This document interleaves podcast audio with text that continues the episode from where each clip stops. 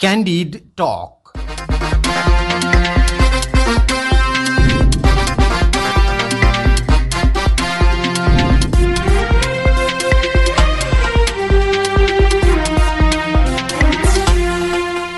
नमस्कार क्यान्डिड टकमा तपाईँलाई स्वागत छ। म विष्णु विवेक विश्वकर्मा।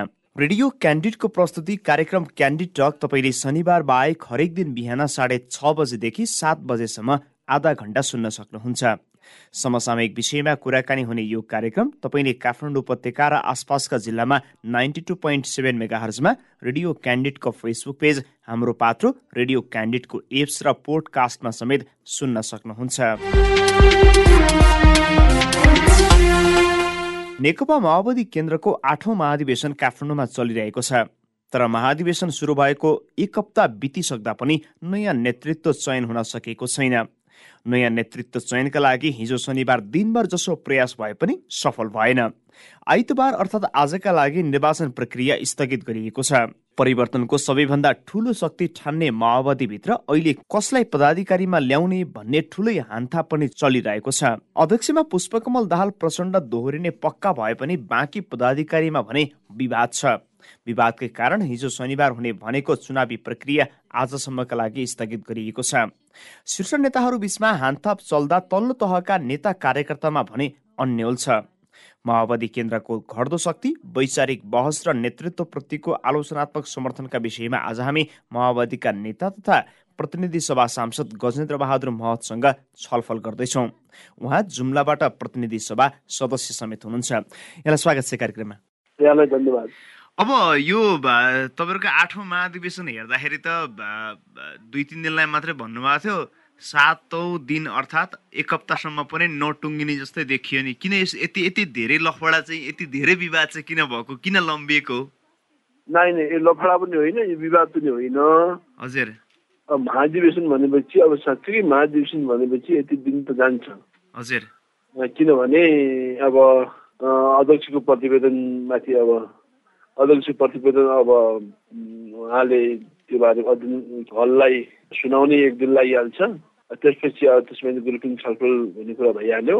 ग्रुपिङ छलफललाई दुई दिन दुई दिन गइहाल्छ। त्यसपछि ग्रुपिङका ग्रुपका लिडरहरूले त्यसको बारेमा सामूहिक धारणा राख्नुपर्ने हुन्छ। ग्रुपबाट र त्यो दस्तावेजमाथि त्यो भइहाल्यो। त्यसपछि अब त्यसबारे स्पष्टीकरण दिने कुरा हुन्छ। विधान बारेमा छलफल हुने कुरा भइहाल्यो। केन्द्रीय कमिटी चयनको कुरा पदाधिकारी चयनको कुरा गर्दा अब समय त दिन आठ दिन लागिहाल्छ। अब यसरी हेर्दा अब तपाईँहरूको यो सातौँ महाधिवेशन र आठौँ महाधिवेशनको बिचमा तपाईँ आफैले पनि तपाईँ जुम्लाबाट प्रतिनिधित्व गर्नुहुन्छ तपाईँ सङ्घीय सांसद पनि हुनुहुन्छ संसदमा बेला बेला पनि चर्को गरी बोल्नुहुन्छ। तात्विक भिन्नता चाहिँ के रह्यो तपाईँको सातौँ महाधिवेशन र आठौँ महाधिवेशनसम्म आइपुग्दा? न यो भिन्नता यसमा धेरै भिन्नता छ। किनभने अब सातौँ महाधिवेशनबाट आठौँ महाधिवेशनसम्म आउँदा अब अब हिजोको पार्टी छैन। हिजोको पार्टी छैन हिजोको विचारले पनि अब अहिले भ्याउँदैन हिजोको हाइदिक जो का दिशा थियो त्यसले अब पुग्दैन। र अर्को कुरा के भने आर्थिक मतलब एउटा मार्गदर्शन पनि अब देशलाई सिङ्गो पार्टीलाई गर्नै पर्ने हुन्छ। त्यसो भने पछिल्ला दिनहरू कस्तो भने अब विभिन्न आरोपबाट पार्टी यहाँ आइसकेपछि यसको समीक्षा पनि गर्नै पर्ने हुन्छ। साङ्गठनिक हिसाबले पनि समीक्षा गर्नुपर्ने हुन्छ राजनीतिक हिसाबले पनि समीक्षा गर्नुपर्ने हुन्छ वैचारिक हिसाबले यसो समीक्षा गर्नुपर्ने हुन्छ। त्यसो हुनाले पार्टी हिजोको सातौँ महाधिवेशनभन्दा धेरै अगाडि आइसकेका छ। जस्तो तपाईँले तपाईँले तपाईँले अगाडि आयो भन्नुभयो तर धेरै माओवादी नेताहरू र विश्लेषकहरू के भन्छन् भने सातौँ महाधिवेशन महाधिवेशनमा जस्तो माओवादी पार्टी थियो तर अहिले त्यो पार्टी रहेन। अहिले त सत्ताका लागि मात्रै माओवादी पार्टी स्वार्थका लागि माओवादी पार्टी आफन्तका लागि माओवादी पार्टी अनि जसरी हुन्छ नेता मोटाउ जनतालाई व्यवस्था गर्ने भन्ने माओवादी पार्टी मात्रै बाँकी छ भन्छ यहाँले भने जस्तो हो केही त हो त्यो पनि हो होइन। धेरै भाग त्यो फेरि धेरै अंश त्यो होइन। हजुर। किनभने पार्टी भनेको कुरा के बुझ्नुपर्छ भने यो एउटा लामो यात्रा हो। लामो यात्रामा के हुन्छ भने केही मान्छेहरू अब झर्छन् केही मान्छेहरू फेरि चढ्छन् होइन? यो रेल जस्तो यात्रा न हो। यो लामो यात्रा भए हुनाले केही मान्छेहरू झर्छन् केही मान्छेहरू चढ्छन् केही पुरानो विचारहरू अब सकिँदै जान्छन् नयाँ विचारहरू आउँछन्। अब मान्छे व्यक्ति पनि अब केही पुराना व्यक्तिहरू जान्छन् केही नयाँ व्यक्तिहरू आउँछन्। र यो त्यसो भए हुनाले निरन्तर चलिरहने प्रक्रिया भए हुनाले अवस्था छैन यहाँ। केही अब समस्या नभएको होइन। केही ती समस्याहरू नेतृत्व तहबाटै ती अब समीक्षा गर्दै जानुपर्ने भएको हुनाले पनि यो बैठक अलिकति लम्बिया हो किनभने अब स्वयं अध्यक्ष आफैले पनि आत्मआलोचना गर्नुभएको छ के समस्याहरू भयो भन्नु भन्नुभएको छ। है अब त्यो उहाँको मात्र होइन त्यो उहाँसँग रहेको यो टिमबाट पनि केही कमी कमजोरी रहे र अब हाम्रो तहबाट पनि केही कमी कमजोरी रहे त्यो सबैको समीक्षा गर्नुपर्ने भयो हुनाले अब यो हिजोकै अवस्था छ भन्न मिल्दैन जस्तो तपाईँले हिजोको अवस्था छैन त भन्नुभयो तर तपाईँ आफैले संसदमा एकचोटि के बोल्नु भएको थियो भने अब मन्त्री बन्नका लागि तपाईँले सात हो कि आठवटा बुदा तपाईँले तयार नै पार्नु भएको थियो कि? आफन्त हुनुपर्ने नेतासँग पहुँच हुनुपर्ने पैसा हुनुपर्ने तर त्यसको नेतृत्व त तपाईँकै पार्टी माओवादीले गरिरहेको छ। अनि तपाईँहरू यो होइन पनि भन्नुहुन्छ फेरि त्यो पनि देखिन्छ। हाम्रो खालि अब सरकारमा भएको यो हाम्रो पार्टी पनि त्यसमा एउटा हिस्सेदार पार्टी भएको हुनाले र हाम्रो अध्यक्ष पनि अब यसको एउटा नेतृत्व भएको हुनाले त्यता पनि इङ्गित थियो।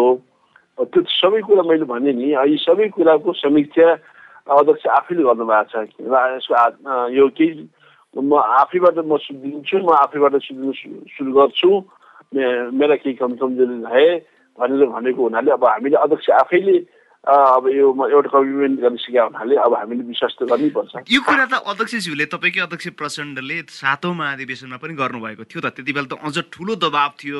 एक किसिमले किनभने त्यति बेला मोहन वैद्यजी अलग के अरे सँगसँगै हुँदा होस् अलग्गिँदा होस् बाबुरामजी सँगै हुँदा होस् अलग हुँदा होस् बरु प्रचण्डको विषयमा प्रचण्डले त्यो विभिन्न विषयमा आश्वासन दिने प्रतिबद्धता गर्ने तर नगरेपछि बरु नेताहरू टुक्रिने भएको छ। तर प्रचण्ड सुध्रिएको छ देखिएको छैन क्या। अनि तपाईँ अहिले अहिले यो आठौँ महाधिवेशनमा उहाँले भनेको कुरा कसरी पत्याउनुहुन्छ? अब अध्यक्ष अध्यक्ष नसुध्रिएर नेताहरू बाहिरिएको होइन। त्यो एकदम गलत कुरा हो। त्यसो भने किन? त्यसो भने उहाँहरूको मोहन वैद्य र बाबुराम भट्टराई अलिक ठुला नेता अलिक बादलको कुरा पनि नगरौँ विप्लव कुरा पनि नगरौँ। उहाँहरू दुइटैको एउटै सार के थियो भने हिजोको माओवादी रहेन माओवादी दलाल पार्टी भन्यो दलाल पार्टीमा बस्नुभन्दा बाहिर बेच्छ उहाँहरूको निष्कर्ष त्यही थियो। त्यसो भन्दा पनि उहाँले आफ्नो औकात बिर्सिनु भएको हो होइन? उहाँलाई के भयो भने त्यति बेला आफूले नै यो सिङ्गो जनयुद्धमा आफैले धानेको जस्तो महसुस हाम्रो वैद्यलाई भइरहेको थियो। त्यही महसुस हाम्रो बाबुराम भट्टराईलाई भइरहेको थियो होइन? अब त्यसको अवस्था अब हामीले जन्जाएरै छ अब हामीले भनिराख्नु पर्दैन छुचुमुखले भन्नु पर्दैन होइन? किनभने उहाँले म यो योभन्दा राम्रो पार्टी बनाउँछु योभन्दा ठुलो पार्टी बनाउँछु म अब नयाँ ढङ्गले जान्छु भनेर नै अध्यक्षलाई दोषारोपण गरेर नै गएका हुन्। अब वैद्यको अवस्था कहाँ छ देखिहाल्नुभयो वैद्य बाहिरिएपछि नै पार्टीको व्यवस्था आएको हो। होइन त्यसो भन्दा वैद्यको कुरा गर्नुहुन्छ भने माओवादी पार्टी त हिजो जस्तो माओवादी पार्टी पनि त छैन। तपाईँहरूलाई पनि दुई चारवटा सिट जित्ने हम्मे हम्मे परेको छ। यो कुरा त तपाईँले बिर्सनु भएको छैन होला नि त फेरि। त्यति बेला करिब आधा पार्टी गएकै हो त। वैद्य गए विप्लव गए बादल गए लगायत ठुलो टिम त गएकै हो नि।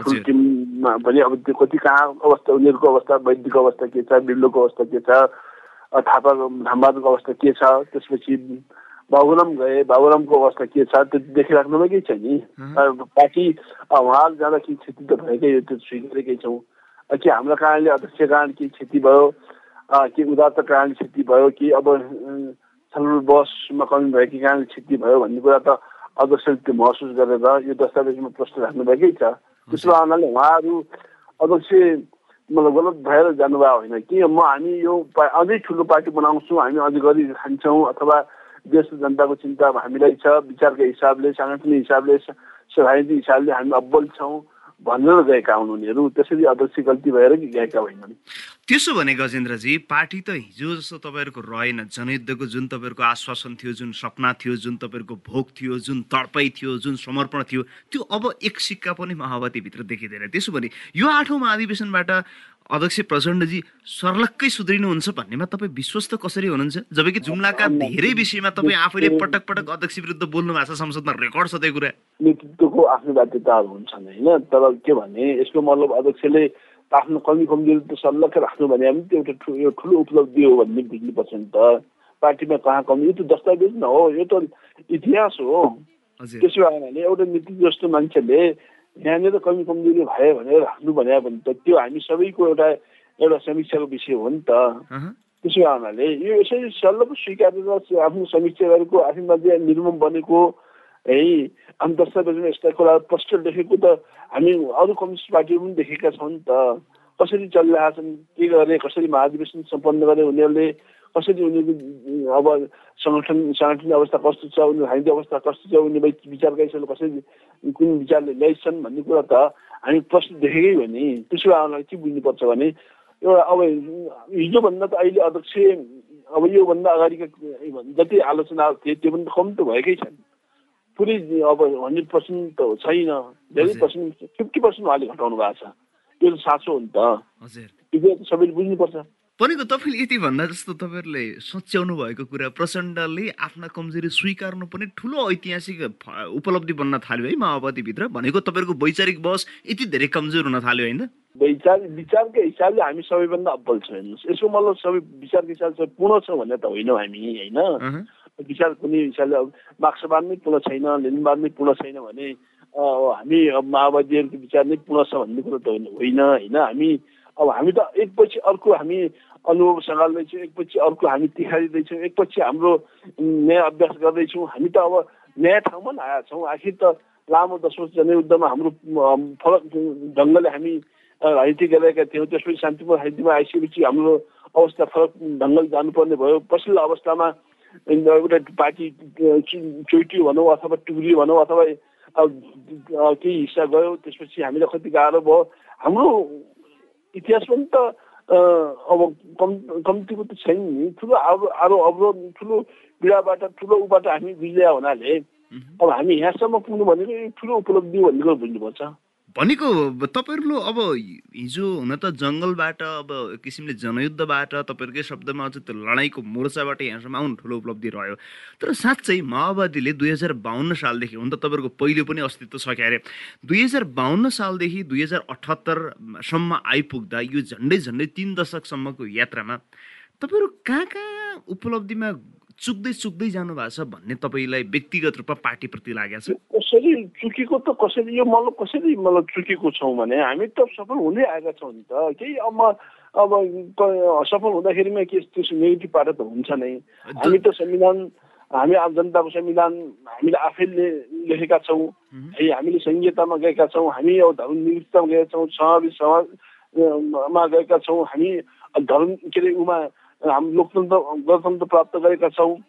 हामी त कहाँ चुकेका छौँ भने हामी चुकेका छैनौँ। त्यसो भने त्यसो भने गजेन्द्रजी त्यसो भने तपाईँले आफैले संसदमा बोल्दा अब मन्त्री बन्न तपाईँ जस्ता एकदम इमान्दार पार्टी कार्यकर्ता योग्य नहुने भनेको तपाईँहरूको प्रचण्डकै निकटको मान्छे तपाईँको शक्तिमा भएकै मान्छे पैसा भएको मान्छे मात्र मन्त्री बन्न पर्ने इभन अहिले पनि गाउँपालिकाको ओडाको चुनावको टिकट पाउन पनि तपाईँहरूलाई हम्मै हम्मै पर्ने त यो उपलब्धि हो कि यो एउटा राजा फालेर सयौँ राजा बनाउने तपाईँको अभियान सफल भयो भन्ने हो?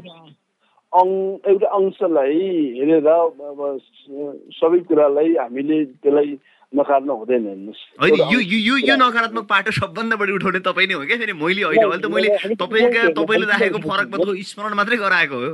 हो हो त्यो त हो साँच्चै साँचो हो। किनभने हामी एउटा अंश अंशलाई त हामी त अंश अंश मिलेर बन्ने न हो एउटा सबै कुरा त्यसो भएर हामी अंशमा यो यति मात्रै कुराले अब पार्टी सकिया हो नेतृत्व सकिया हो भन्ने कुरा हो यो त उहाँले झकझकिया न हो हामी बेला बेला नेतृत्वलाई झकझकियाएको हो भन्ने बुझ्नुपर्छ अब अब यो झन्डै झन्डै तपाईँहरूको महाधिवेशनतिरै फर्कियो। महाधिवेशनको झन्डै तपाईँहरूको एक कप्ते यो यात्रामा प्रज्ञा प्रतिष्ठानको एउटा बन्द कोठाभित्र तपाईँहरूको यो यो छलफल डिस्कोर्स अथवा यो यो परिवर्तनको कोर्स भनौँ यो चलिरहँदा नेतृत्व चयन प्रक्रियामा तपाईँहरू कहाँ कहाँ बढी समस्या देखिरहनु भएको छ? यो नेतृत्वमा सधैँ जसो महाधिवेशनमा किन धेरै अप्ठ्यारो परिरहन्छ? किन समस्या परिरहन्छ? अब के हुन्छ भने अब नृत्य अब हरेकले त्यो त अब त त्यत्तिकै कसैले गर्दैन नि। राजनीति भनेकै त नृत्य पुग्नुपर्छ नृत्य पुगेपछि आफ्ना भनाइहरू आफ्ना सोचहरू आफ्नो विचारहरू लागू गर्नुपर्छ भन्ने कुरा त सबैको चाहना कुरा न हो। त्यसो भए के हो भने अब अहिले यति बेला पनि कस्तो भइरहेछ भने अहिले त अलिकति अब सहज पनि छ अलि जटिल पनि छ। किनभने अब हामी अलि समावेशी पार्टी समावेशीमा जाँदैछौँ। हिजोसम्म के थियो भने अलिकति अब जेनतेन चलाइराखेका थियौँ अहिले अब निर्वाचन आयोगले पनि अब कडेका साथ लागिरहेको छ। संविधानमा पनि हामी प्रष्ट उल्लेख गरेका छौँ। त्यसो भए क्लस्टर अब छुट्याएर नै हामीले अब महिलाहरूको दलितहरूको जनजातिहरूको अब सबैलाई समेटेर लैजानु छ होइन? त्यसो भए अब पुरानो एउटा टिम छ जो अब लामो समयसम्म युद्धबाट आएको एउटा पुरानो टिम पनि छ। युवाहरूलाई समेटेर लिनु छ। अब सबै भूगोललाई समेटेर लिनु छ। त्यसो भए हुनाले केही समस्या त आउँछन् केही समस्या पनि आउँछन् केही अब आकाङ्क्षाहरू पनि आउलान् केही अब साथीहरूमा केही अब सबैलाई समेट्न नसिकिएला त्यसो भने भन्छ कि अब सहमतिबाट जाने कुरा त सही छ सहमति भएन भने त चुनाव त भइहाल्छ भनेको सहमतिको तपाईँले सम्भावना के देख्नु भएको छ अध्यक्षमा मात्रै सहमति अध्यक्षमा त स्वत देखिन्छ बाँकी पदाधिकारीमा पनि सहमति हुन्छ भन्ने तपाईँको आकलन छ करिब करिब सहमति होला नै भन्ने हो किनभने अलिकति बाहिर आएको सहरी सञ्जालमा आएको अलि मान्छेहरूको आशंका महासचिवमै अलिकति मतलब खिचेतानी हुन्छ कि अलि मतलब अलिकति मेहनत अलिक बढी गर्नुपर्छ कि भन्नेमा हो। त्यो पनि के भने अब त्यो पनि करिब करिब मिल्ने नै हामीले देखाएको छौँ तर तपाईँले यो भनिरहेको सहमति माओवादी पार्टी आफैले भनिरहेको सहमति त टिके प्रथालाई नै निरन्तरता दिएको जस्तो देखिएन र भने? किनभने तपाईँहरूको पहिलेकै महाधिवेशनमा पनि तपाईँले टिकी प्रथा स्टाइलमा आउनुभयो। टिकी प्रथा छैन टिकी प्रथा छैन। किनभने अहिले कस्तो छ भने अहिले सबै प्रदेशलाई प्रदेशको अब सङ्गठन सङ्गठित सदस्यको आधारमा उनीहरूले अब कमिटीमा आउन पाउने भएका छन्। होइन? त्यसो भएर हाम्रो प्रणालीमा मानव एकतिसजना केन्द्रीय कमिटीका सदस्य भाग परेको छ। त्यसो भए एकतिसजना केन्द्रीय सदस्यको भाग परे हुनाले त्यो त्यो जिम्मा कर्णाली प्रदेशलाई दिइहाल्यो। र कर्णाली प्रदेशमा जिम्मा दिएको हुनाले कर्णाली प्रदेशले पनि अब अब हाम्रो भागमा कति महिला कति दलित कति महिला दलित कति युवाहरू होइन कति जनजाति कति अब आर्य खस यी कुराहरू होइन म तपाईँ यो तपाईँहरूको आन्तरिक क्लस्टरको कुरा मैले गरेको छैन तपाईँहरूको पदाधिकारी जो नेतृत्व फेर्ने नेतृत्व नयाँ नेता जन्माउने नयाँ नेता बनाउने जनताको स्वरलाई पनि नेता बनाएर सरकारमा पुर्याउने राज्यको माथिल्लो तहमा पुर्याउने जुन तपाईँहरूको अभियान हो नि त्यसैको लागि तपाईँले जनयुद्ध थाल्नु भएको थियो। अब यहाँसम्म आइपुग्दा झन्डै झन्डै तिस वर्ष अर्थात् यो तिन दशकसम्मको यात्रामा त ने नेकपा माओवादीभित्र अर्थात् तपाईँहरूको पार्टीभित्र प्रचण्ड बाहेक अर्को नेतै बन्न नसक्ने जनार्दन बाहेक अर्को नेतै बन्न नसक्ने तपाईँ त्यो कहिले पनि पदाधिकारी पुग्न नसक्ने भनेपछि तपाईँहरूको राजनीति आर्थिक टिके भन्नु त फरक देखिएन नि भने। मेरो प्रश्न त्यो हो। यसमा कुनै मतलब गरिएको कुनै बन्देज लगाइएको छैन नि त। बन्देज लगाएर अरू हुनै नपाउने त्यसो होइन नि त यो। यो त मेरो आफ्नो नेतृत्व भनेको त त्यो एउटा इतिहासले एउटा आन्दोलनले एउटा मतलब समय परिवेशले जन्माउने कुरा हो नि त। होइन त्यत्तिकै अब प्रचण्ड यति वर्ष भयो अब मेरो पालो आयो भनेर पनि दाबी गरिदिने मान्छे पनि त चाहियो त। भनेको अहिले माओवादीमा प्रचण्डको विकल्प अर्को मान्छे नै छैन नेता नै छैन। नै अब अहिले अहिले अहिलेदेखिको अब अब सेकेन्ड अब तयारी गर्नु पऱ्यो नि त। म मैले तयारी गर्नु पऱ्यो अरू कसैले सेकेन्ड फर्स्ट लिडर हुनुलाई त तयारी त हामीले पनि गर्नु पऱ्यो नि। अब अध्यक्षले कसैलाई टिको लगाइदिएर त सेकेन्ड लिडर त थर्ड लिडर म पछिको त भनेर ऱ्याङ्किङ गरिदिने कुरा त अध्यक्षले आउँदैन। पत्याउनु पर्यो नि सबै कार्यकर्ताले पत्याउनु पर्यो सबै जनताले पत्याउनु पर्यो अनि पो नेता भइन्छ त।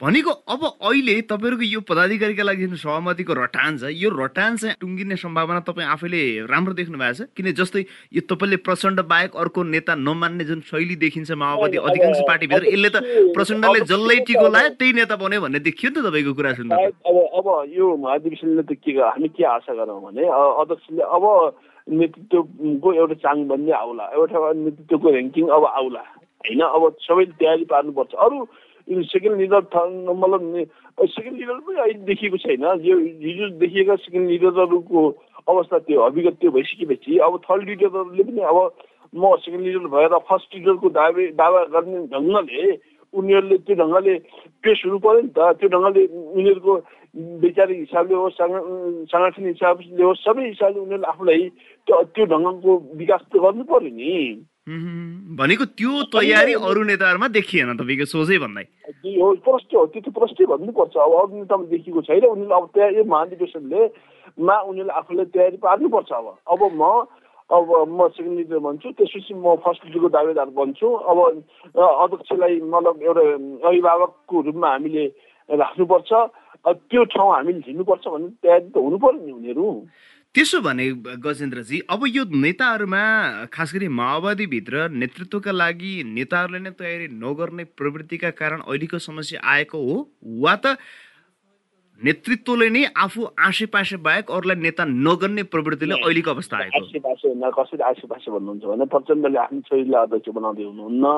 आफ्नो कोही अब छोरा त छैनन्। अब अथवा उनी उहाँको अरू कोही तर तपाईँले तपाईँकै तपाईँको कुरा सुन्ने हो भने अध्यक्ष प्रचण्डले आफ्नै छोरीलाई मेयर बनाउने अरूलाई भन्दा पहिला त आफ्नै नाता नातेदार आफ्नो नजिक जो भयो उसैलाई अर्को पदाधिकारी दिलाउने। यो त देखिँदै आएको छ नि तपाईँले भनिरहनु पर्ने कुरा हो र माओवादी पार्टी मात्र नै विश्वभरि त राम्रै चर्चा भइरहेको छ त भने।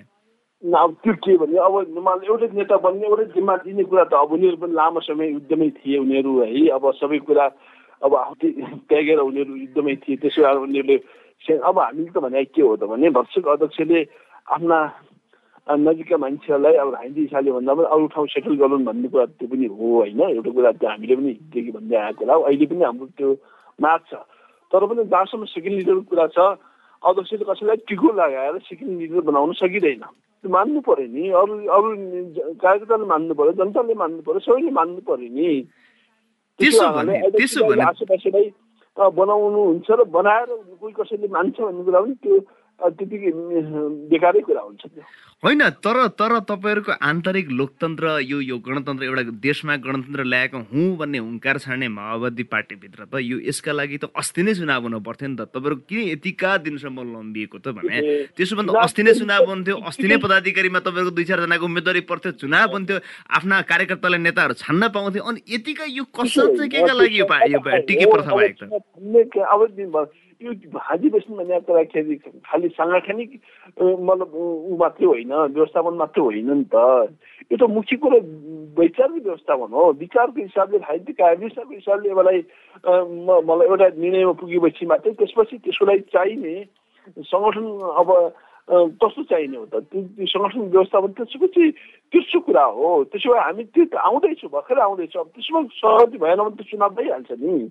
त्यो खालि महाधिवेशन जाने बित्तिकै त्यो ल चुनावमा जाउँ भन्ने कुरा त होइन नि त्यसो भने अन्तिममा गजेन्द्रजी अब यो तपाईँहरूको चुनावबाटै पदाधिकारी अर्थात् नेतृत्व चयनको टुङ्गो लाग्छ हो? हामीलाई आशा गरौँ लाग्छ। अनि अहिलेको जुन मूल नेतृत्व छ अर्थात् प्रचण्डको नेतृत्व छ त्यो नेतृत्व फेरिन्छ कि तपाईँहरूको त्यही प्रचण्डकै हातबाट टिका लगाएर बाँकी पदाधिकारी बन्छन्? प्रचण्डबाट हात टिका हातबाट टिका लाग्ने कुरै हुँदैन नि। प्रचण्डको हातबाट टिका लाग्ने कुरै हुँदैन। प्रचण्डको हातमा टिका लगाएर त यसो भइस उसो भइस भन्ने होइन नि त। तर त सेन्टिमेन्टल छ नि त। महिलाहरूको महिलाहरूले आफैले के अरे महिलाहरूको सङ्गठनले महिलाहरू पठाउँछ जनजातिहरूको सङ्गठनले जनजाति पठाउँछ भूगोलको सङ्गठनले भूगोल पठाउँछ। अनि पठाएर पो ल हामी यसरी भयो भने सामूहिक हिसाबले हामी यसरी तयारी भयौँ भन्ने कुरा पो हुन्छ त। अब त्यो फलानु भइस होला त्यो त्यो यो गलत ढङ्गको उपचार भइरहेको छ क्या यो गलत ढङ्गको उपचार हो। तर तर माओवादीको सिनारियो माओवादीको अवस्था माओवादीप्रति जनताको धारणा जनताको विचार र माओवादीका पछिल्ला शैली हेर्दा त प्रचण्डको टिकी प्रथा बाहेक त बाहिर गएको त देखिँदैन। नभए त पार्टी तपाईँको यसरी खुम्चिँदै सानो केही सिटमा सीमित हुनुपर्ने अवस्था थिएन। चुनाव जित्नलाई कहिले कङ्ग्रेसको टेको लाउनु पर्ने कहिले एमालेसँग एकता गर्नुपर्ने बाध्यता तपाईँलाई हुँदैन थियो त गजेन्द्रजी। यो कुरा त तपाईँले बुझ्नु भएको छ होला राम्रोसँग। त्यसलाई हामीले नजर गरेकै छैनौँ होइन? त्यसलाई किनभने हामी हामी त कस्तै हामी यहाँ कुन अवस्थामा पुग्यौँ चौसठी सालमा कुन अवस्थामा थियौँ सत्तरी अवस्था सालमा कस्तो अवस्था भोग्नु पर्यो यसपछि पछिल्लो अवस्था कसरी यहाँ आयौँ त्यसपछि अब कसरी अगाडि जान्छौँ अब हामी कसरी चौसठी सालमा फर्किने त्यो त समीक्षा हामीले गरेकै छौँ नि। त्यो त हामीले तपाईँ जानकारी छ। हामी केही त्रुटिहरू रहे कमजोरी रहे त्यो सबै बाट अनुभव सङ्घाल्दै हामी यहाँ पुगेका छौँ भन्ने कुरा त त्यो जग्जाएरै छ नि त। तपाईँहरूको यो जुन अहिलेको यो महाधिवेशनले पनि एउटा हतार हतारमै महाधिवेशन गर्नुपर्ने भलै यसको पक्षमा अलिक सुरुवात पनि डिबेट यो छलफल गर्नु पर्थ्यो अहिले भलै त्यो विषय होइन। यो बाध्यात्मक महाधिवेशन गर्नुपर्ने यो यो अरूले देखाउनको लागि पनि चुनावमा गइदिनु पर्ने जुन यो माओवादी पार्टीभित्र आएको छ नि गजेन्द्रजी यसलाई परिवर्तन गर्न तपाईँहरू पार्टी कार्यकर्ताले के के नयाँ कुराहरू देख्नु भएको छ के के नयाँ कुरा औल्याउनु भएको छ? कसैले हतारै होइन नि त। हामी त यति मजासँग छलफल बहस गरिरहेका छौँ। यही हामी सात आठ दिन लगाएर यति धेरै छलफल गरिरहेका छौँ त्यसो भए यसलाई हतार भन्न मिल्दैन। होइन? हो हामी एकदमै जानी बुझी सोची विचार गरेर हामी अब अगाडि कसरी जाने भन्ने बारेमा हामीलाई पनि मतलब यो है तिन सालले कसरी जाने विचारको हिसाबले हामी कसरी जाने आर्थिक हिसाबले कसरी जाने यो सबै कुरा एउटा यो लोकतन्त्रलाई गणतन्त्रलाई कसरी सुव्यवस्थित गर्ने है यो संहिताले कसरी बचाउने र पार्टीलाई यो जो अहिले एउटा समस्या देखिरहेछ मतलब हामी हाम्रो एजेन्डामा देश चलिरहेछ तर यो नेतृत्वमा दोस्रो अर्को अर्को पार्टी छ। त्यसो भए यसको बहस त हामीले गरेका छौँ यसैमा गरेका छौँ। अब हामीले जसरी हाम्रो एजेन्डामा माओवादी एजेन्डामा देश चलिरहेछ माओवादी एजेन्डामा संविधान सभा सफल भयो हामी संहितामा गयौँ धर्मनिरपेक्षता गयौँ समावेशितामा गयौँ भने अब हामीले यस नेतृत्वले हामी आफैले गर्नुपर्छ। नेतृत्व गर्नुमा हामी हाम्रो कहाँ कमी कमजोरी रह्यो कहाँ हामी चुक्यौँ भन्ने कुरा त यो व्यापक छलफल बहस भएको छ। त्यसो भए हामी यही बाटोमा हामी अगाडि बढिरहेको छौँ अब अन्तिममा जाँदा जाँदै नै यो यो अहिलेको नयाँ महाधिवेशनले आगामी दिनमा माओवादी पार्टी झन् ठुलो बन्छ कि अरू कसैसँग चुनावी एकता गरेर चुनावमा आफ्नो अस्तित्व जोगाउनु पर्ने बाध्यतामा पुग्छ त। एकताको दोस्रो मतलब बाटो हो है। अब हामी आफै त मतलब अब तयारी वस्तुगत हिसाबले हामी आफै तयारी हुनुपर्छ हामी आफै सुदृढ हुनुपर्छ हामी आफै विस्तार हुनुपर्छ। त्यसो भए महाधिवेशन भनेको अरूसँग एकता गरौँला र ठुला हौँला भन्ने हिसाबले गरिएको होइन। हामी आफ्नै बलबुत्तमा टिक्नुपर्छ हामी बल आफ्नै बलबुत्तमा हामीले यो देश चलाउनुपर्छ। हामी बल आफ्नै बलबुत्तमा हामी अगाडि बढ्नुपर्छ भनेर नै महाधिवेशनको आयोजना गरिएको हो।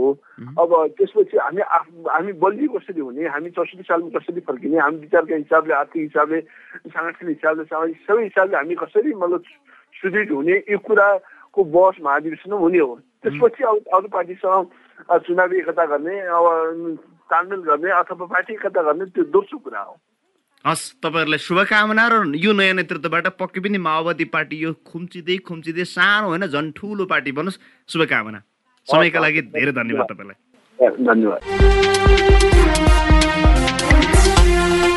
उहाँ हुनुहुन्थ्यो माओवादी केन्द्रका नेता तथा प्रतिनिधि सभा सांसद गजेन्द्र महत माओवादी केन्द्रभित्रको आन्तरिक विवाद नेतृत्व चयनको पेचिलो बहस तथा नेता तथा कार्यकर्ता भित्रको असन्तुष्टिका विषयमा कुराकानी गर्दै। अवस्था आजलाई क्यान्डी टक यति नै। भोलि फेरि नयाँ र फरक विषयमा कुराकानी गर्नेछौँ। प्रविधि संयोजनका लागि सशिन्द्र गौतम र सिर्जना भुजेललाई धन्यवाद दिँदै म विष्णु विवेक विश्वकर्मा पनि बिदा हुन्छु। नमस्कार। Candid Talk.